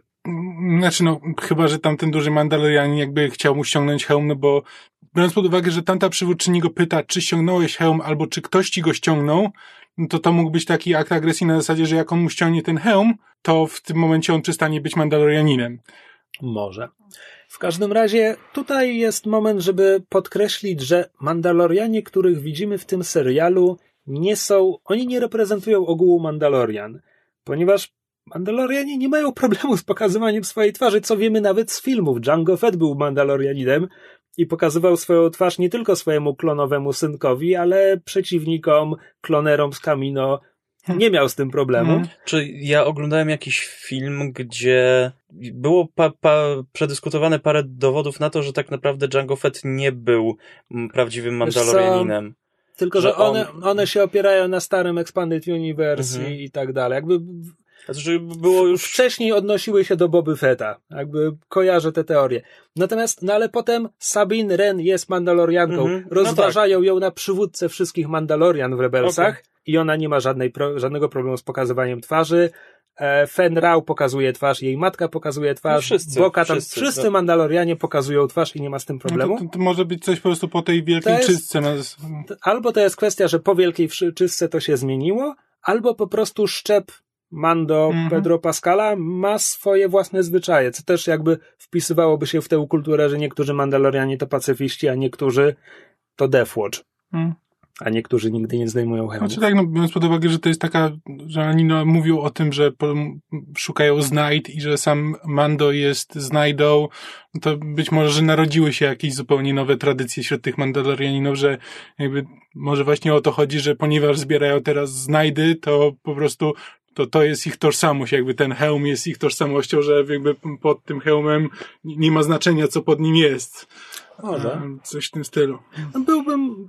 Jestem ciekaw, czy serial w to potem pójdzie, żeby pokazać nam innych Mandalorian. Zobaczymy. W każdym razie, tak, więc jest ta scena. Może każdy kolejny sezon będzie o innym Mandalorianinie. To by było interesujące. No i em, Omera wychodzi i wtedy Mandalorianin zdejmuje hełm, ale kamera nam nie pokaże Pedro Pascala, ponieważ jego głowa jest poza kadrem. Nie to, że te dzieciaki mogłyby Myślałem, się w każdej powiesz- chwili odwrócić i go zobaczyć. Nie, spoko. Myślałem, że powiesz, że kamera na nim pokazuje głowy Pedro Pascala, bo głowa Pedro Pascala jest droga. Zdecydowanie droższa niż jego głos na pewno. Nie ukrywam, że jest to pytanie, które zadaję sobie od premiery tego serialu, to znaczy ile Pedro Pascal tak naprawdę był na planie i jak często to on jest w tej zbroi, Mhm. a jak często ogóle są to nie. kaskaderzy. Myślisz, że on jest tylko głosem? No, nie zdziwiłoby mnie to wcale. Mnie by trochę zdziwiło jednak. No nie Znaczy, wiem. nie, dla mnie to... dla mnie, Taniej, taniej zapłacić aktorowi tylko za to głos. Dla mnie, dla mnie to jest po prostu sytuacja ala Power Rangers, jakby wiesz, w kostiumie, w kostiumie nie ma znaczenia, w kostiumie jest ktoś. E, Dobra, e, więc mieliśmy, mieliśmy scenę o hełmach, mieliśmy montaż, już wieśniacy zostali przeszkoleni tak, że powstrzymają najazd orków i zaczyna się akcja. Akcja zaczyna się od tego, że Mando i Cara Dune zakradają się do obozu. Oni nawet siedzą przy ogniskach i piją. No to są tak bardzo orkowie. Mhm. mhm. I w kotłach bulgoczą jakieś... prawda? E, Tam wkradają się do namiotu, gdzie zakładam, że to są właśnie te u- ukradzione łupy z wioski, bo są niebieskie jak krewetki. Właśnie... I Mando podkłada tam ładunek wybuchowy, więc ja naprawdę nie wiem, na czym polegało to zlecenie w momencie, gdy ukradli nam wszystko, co mieliśmy, było głównym zażaleniem wieśniaków, kiedy przyszli zlecić mu zlecenie. No w każdym razie tam wchodzą klatu i nianczycy, więc jest trochę bijatyki. Tak. I e, Mando podkłada ładunek, który ma e, jakby dobre wyczucie akcji, bo jakby w, w, ma rytm, którego ładunek w poprzednim odcinku absolutnie nie miał, jakby, ale to wybija ewidentnie rytm, który, który jest rytmem pasującym do muzyki i który ewidentnie przyspiesza z biegiem akcji i podkręca, podkręca tylko intensywność. No widzisz, kolejny upgrade. tak. E, No i tam oczywiście w ostatniej chwili Mando i Karadun wyskakują z tego namiotu, on wtedy wybucha. I tu jest bardzo ładna scena, kiedy pojawia się AT-ST. To, to się wszystko dzieje w nocy, więc AT-ST wygląda tak, jak zawsze wyglądały AT-ST, to znaczy ma te dwa durne okienka, które zazwyczaj mają okiennice podparte do góry, tylko wewnątrz w kabinie świeci się czerwone światło, przez co AT-ST wygląda jakby był potworem, który ma czerwone ślepia. Którego trzeba ubić srebrnym mieczem. Co być może jest tanim zagraniem, ale jest bardzo efektownym zagraniem i bardzo mi się podobało, jak to wygląda. Czyli ja jakoś, jak on trafił do tej wioski i go wieśniacy najęli, ja miałem jednoznaczne skojarzenie po prostu z Wiedźminem. Nie jestem wielkim fanem Kurosawy, więc u, u ciebie było Ale automatycznie lubisz inne. westerny, a No Siedmiu. Wspaniałych to ta sama fabuła. Dobrze, dobrze, ale mówię, pierwsze co mi weszło to Wiedźmin i doszukiwałem się już w tym momencie wszystkich rzeczy związanych z Wiedźminem, więc ja tutaj już czerwone ślipia w lesie i goni wielki potwór, no Właśnie muszę powiedzieć, że to jest kolejny ten genialny element planu, gdzie teraz e, Kara i Mando uciekają na piechotę przed AT-ST. mhm. Wyprzedzają go o wiele długości, bo potem jak dobiegną do wioski, to mają długą chwilę, zanim AT-ST no bo jednak przyjdzie. drzewa ma po drodze, no. Nie Ma wszystkie też może działa zburzyć. laserowe. Jak oni to przeżyli? Znaczy, wiesz, to, to w ogóle połowa tej wioski powinna nie żyć, bo ten Mm, ATST... Tak, no bo potem w końcu widzimy realizację planu i wygląda Mają to tak, bardzo że potężny plot armor. Ad, AT-ST idzie, ponieważ goni ich w prostej linii i dlatego idzie prosto na wilcze doły, które wykopali. To jedyne, co mi przychodzi do głowy. No chyba taki właśnie był plan, żeby on go, oni mieli zwabić przeciwników i goniąc ich mieli No tak, ale zobacz, ale przeciwnicy przyjść potem, w konkretne miejsce. ale potem kierowca AT-ST kierując się intuicją, bo, bo on już nawet wykonuje ten krok, żeby Tak. wejść w wilczy dół i cofa nogę. I to jest takie na zasadzie, jakby on się domyślał, że tam jest pułapka, a potem o mhm. tym I zapomniał. właśnie, ja tego nie rozumiem, właśnie, to, to, to jest ten moment, gdzie ja na zasadzie, okej, no zauważył wilczy dół, więc teraz muszą jakoś zmusić go do tego, żeby jakoś go wciągnąć do tego wilczego dołu. Nawet wiesz, no nie to, że wciągnąć, ale muszą ten jeden krok, żeby wykonał, żeby go, nie wiem, pociągnąć, jakieś liny zarzucić czy coś. Muszą zmienić teraz plan, ale nie, jakby cały plan jest taki, żeby, żeby go z, zirytować? Właśnie nie wiem, że on nie ma żadnego powodu, żeby w ogóle podchodzić, jakby... Może siać z tego działka, przecież tak, aż tak, tak naprawdę, martwi. ponieważ ostatecznie, bo tam oczywiście wpadają orkowie, więc najpierw wieśniacy muszą do nich strzelać, potem w ogóle dojdzie do walki wręcz na dzidy i dzidy, ponieważ banda kosmicznych orków ma ATST, ale nie ma broni palnej. Może znaleźli akurat tego ATST, no... Znaczy, w, w odcinku nawet pada pytanie, skąd by, się, skąd by tu był ATST, na które nigdy nie pada odpowiedź. E, więc ostateczny plan, znaczy plan, ostatecznie Kara prosi Mando, żeby on dał jej tę swoją strzelbę widelec, która tutaj zostaje nazwana jako Pulse Rifle. Pulse Rifle, tak.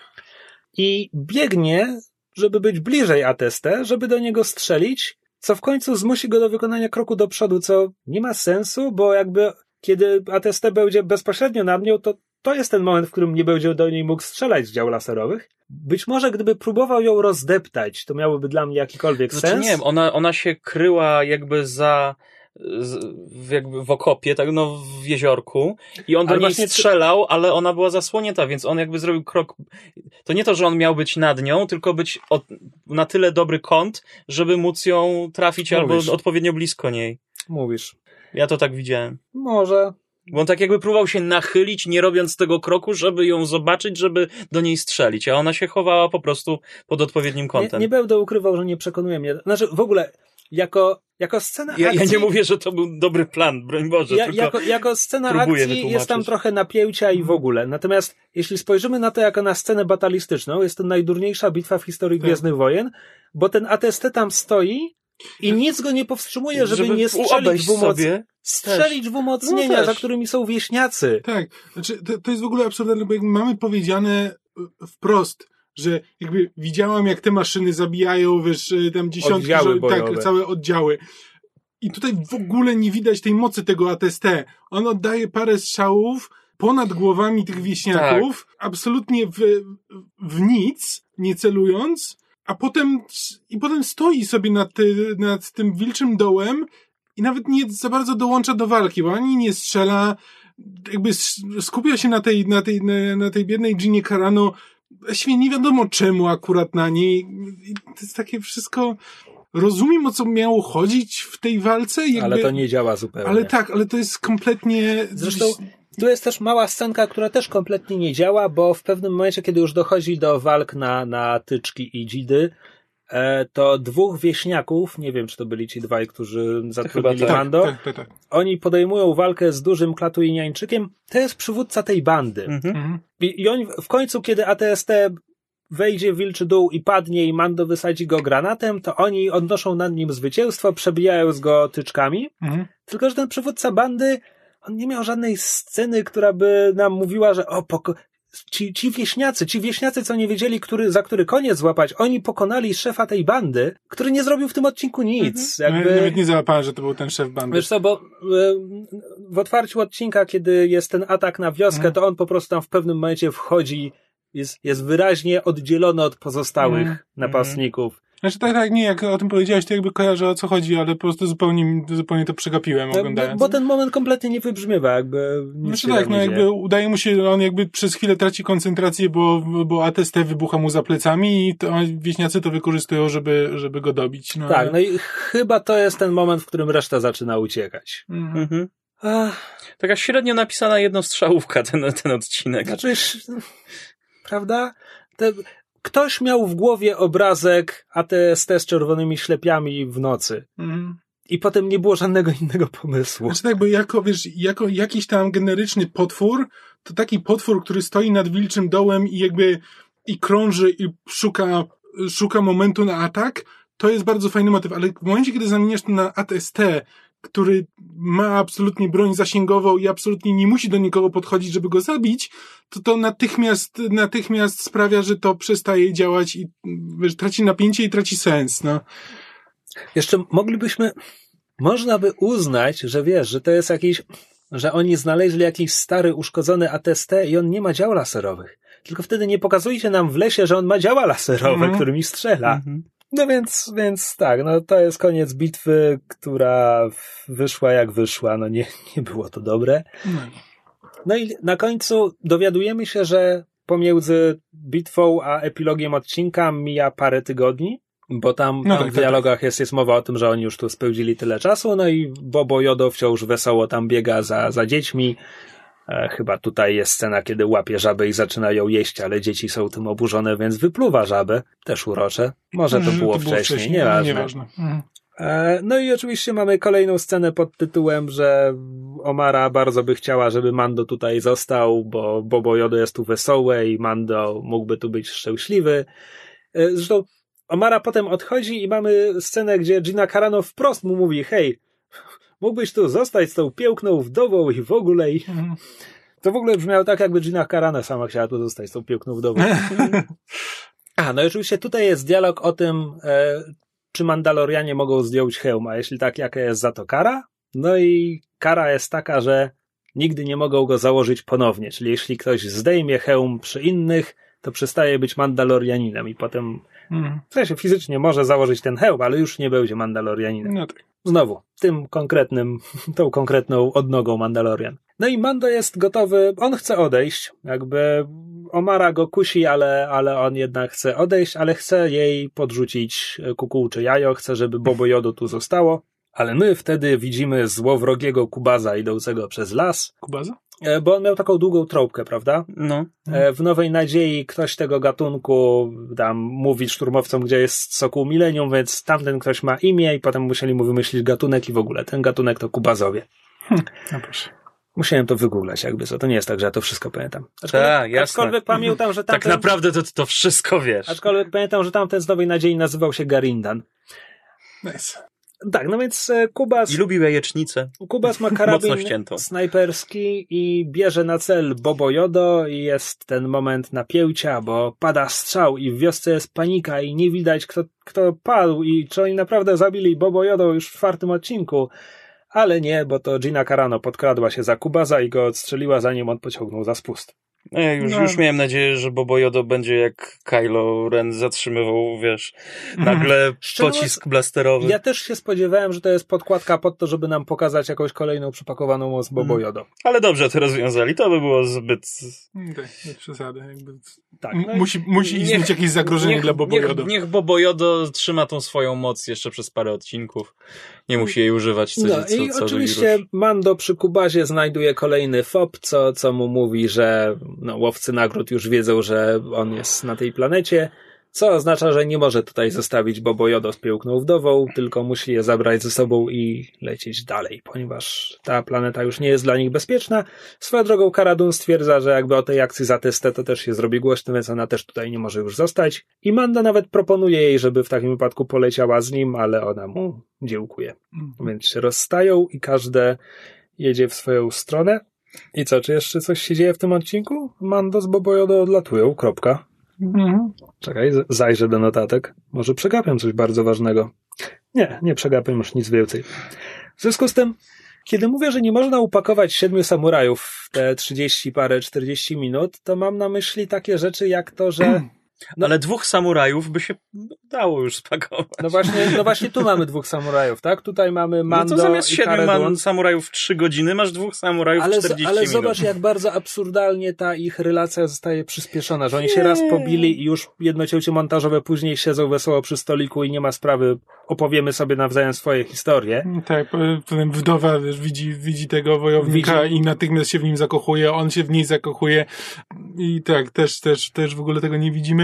Znaczy jakby rozumiem pomysł na ten odcinek i on był potrzebny, bo to jest jakby musimy pokazać, że jakby Mando w tym momencie jakby podpisał na siebie wyrok i będzie musiał uciekać już przez cały czas, dopóki tej sprawy nie rozwiąże, że nie może się po prostu zaszyć gdzieś i, e, i przeczekać e, i że jakby i też to, że mógłby się, mógłby osiąść i po prostu wieść spokojne życie, no to to jest jego wybór, że tego nie zrobi, e, ale chce tego spokojnego życia dla, dla Bobo Jodo. Jakby to są wszystko jakby wątki, które trzeba było pokazać, Ale wepchnęli je po prostu Tak. na rympał i wszystkie Mhm. są strasznie po łebkach. W związku z czym dostajemy odcinek, w którym wątki fabularne i, i relacje między postaciami i rozwijanie czegokolwiek, wszystko jest po łebkach i tylko po to, żeby było, ponieważ musi się znaleźć w fabule całego sezonu. Sceny akcji są idiotyczne. Więc ostatecznie zostajemy z odcinkiem, w którym są ładne obrazki. ATST z czerwonymi ślepiami, Bobo Mm. Jodo wcinający żabę, Bobo Jodo No, z kubkiem tak, rosołu. No niestety tym widać mamy- brak doświadczenia reżyserki w tym momencie. Ale to scenariusz też Tak, leży. czy, czy wiesz, ładne, ładne mamy też, wiesz, ładne mamy widoczki, no bo po raz pierwszy jakby mamy inną planetę niż e, nie Tatooine. E, Dwa różne rodzaje, nie Tatooine. Tak. I jeszcze lodowe, nie Tatooine. Więc jakby i tu ładnie, naprawdę ta wioska była ładnie pokazana, rzeczywiście wygląda idylicznie, rzeczywiście wygląda jak miejsce, w Mhm. którym fajnie by było osiąść.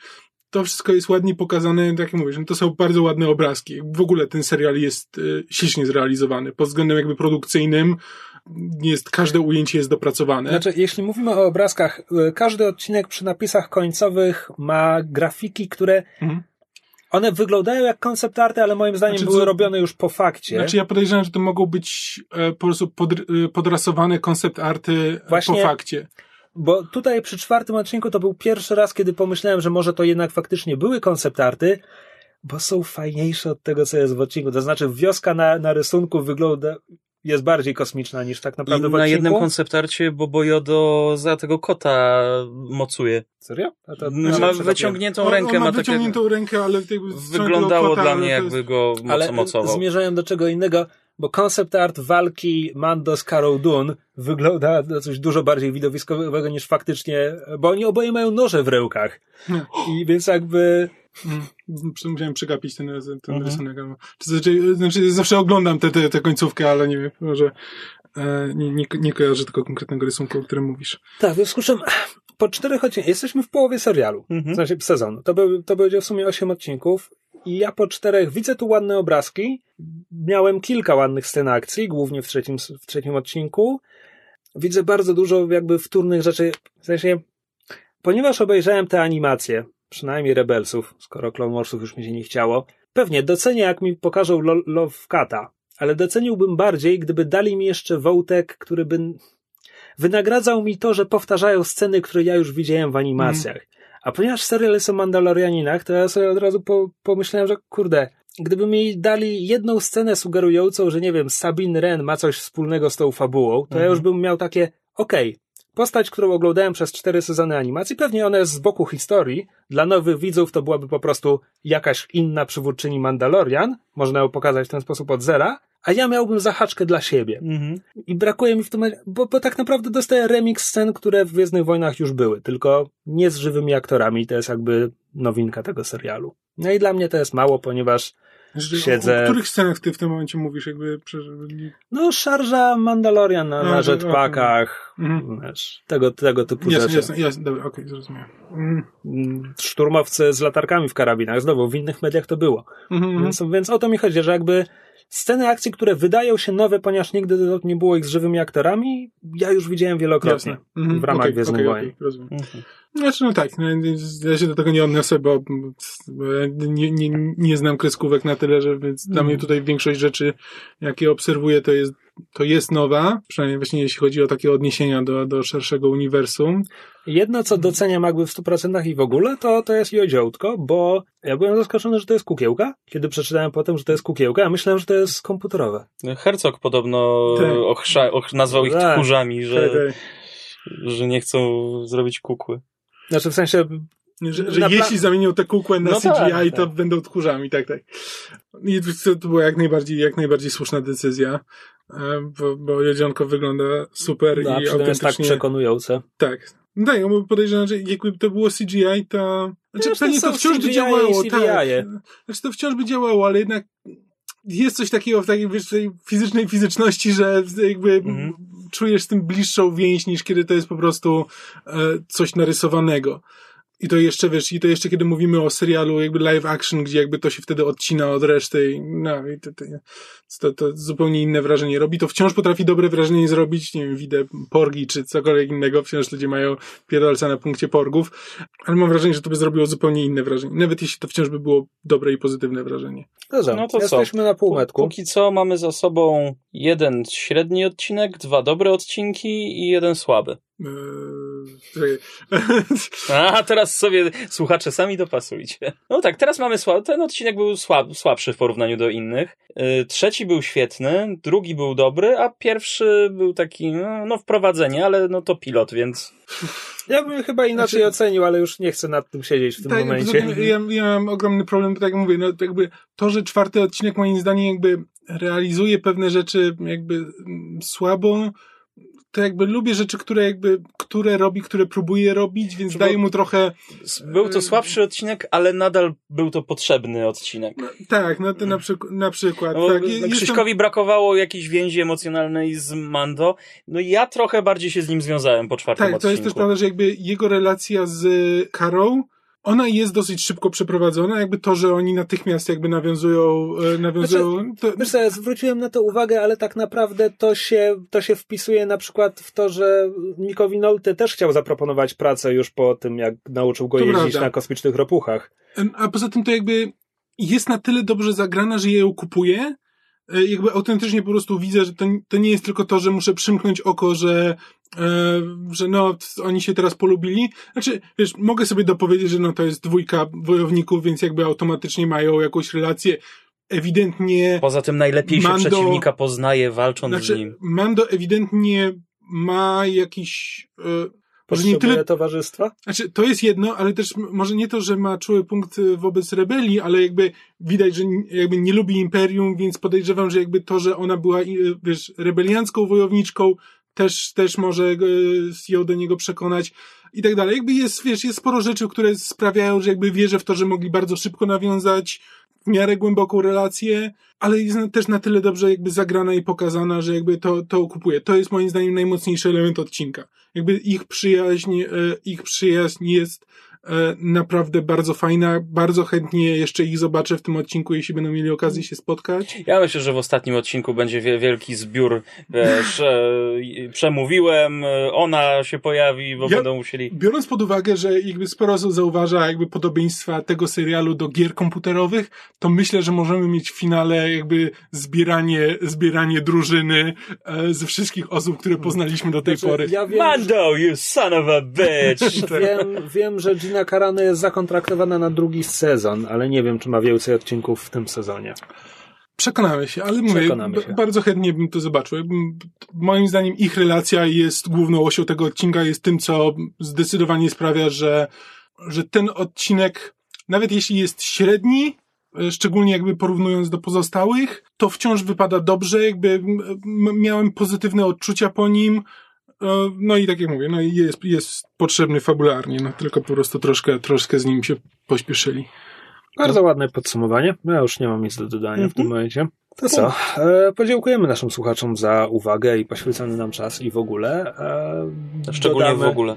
Dodamy, że mogą nam zostawiać komentarze albo zadawać nam pytania i w ogóle e, pod tym. Zostawcie nam jakieś w ogóle. Filmem na YouTubie albo na naszym fanpage'u podsłuchane.pl na Facebooku albo mailem na kowbojemałpopodsłuchane.pl.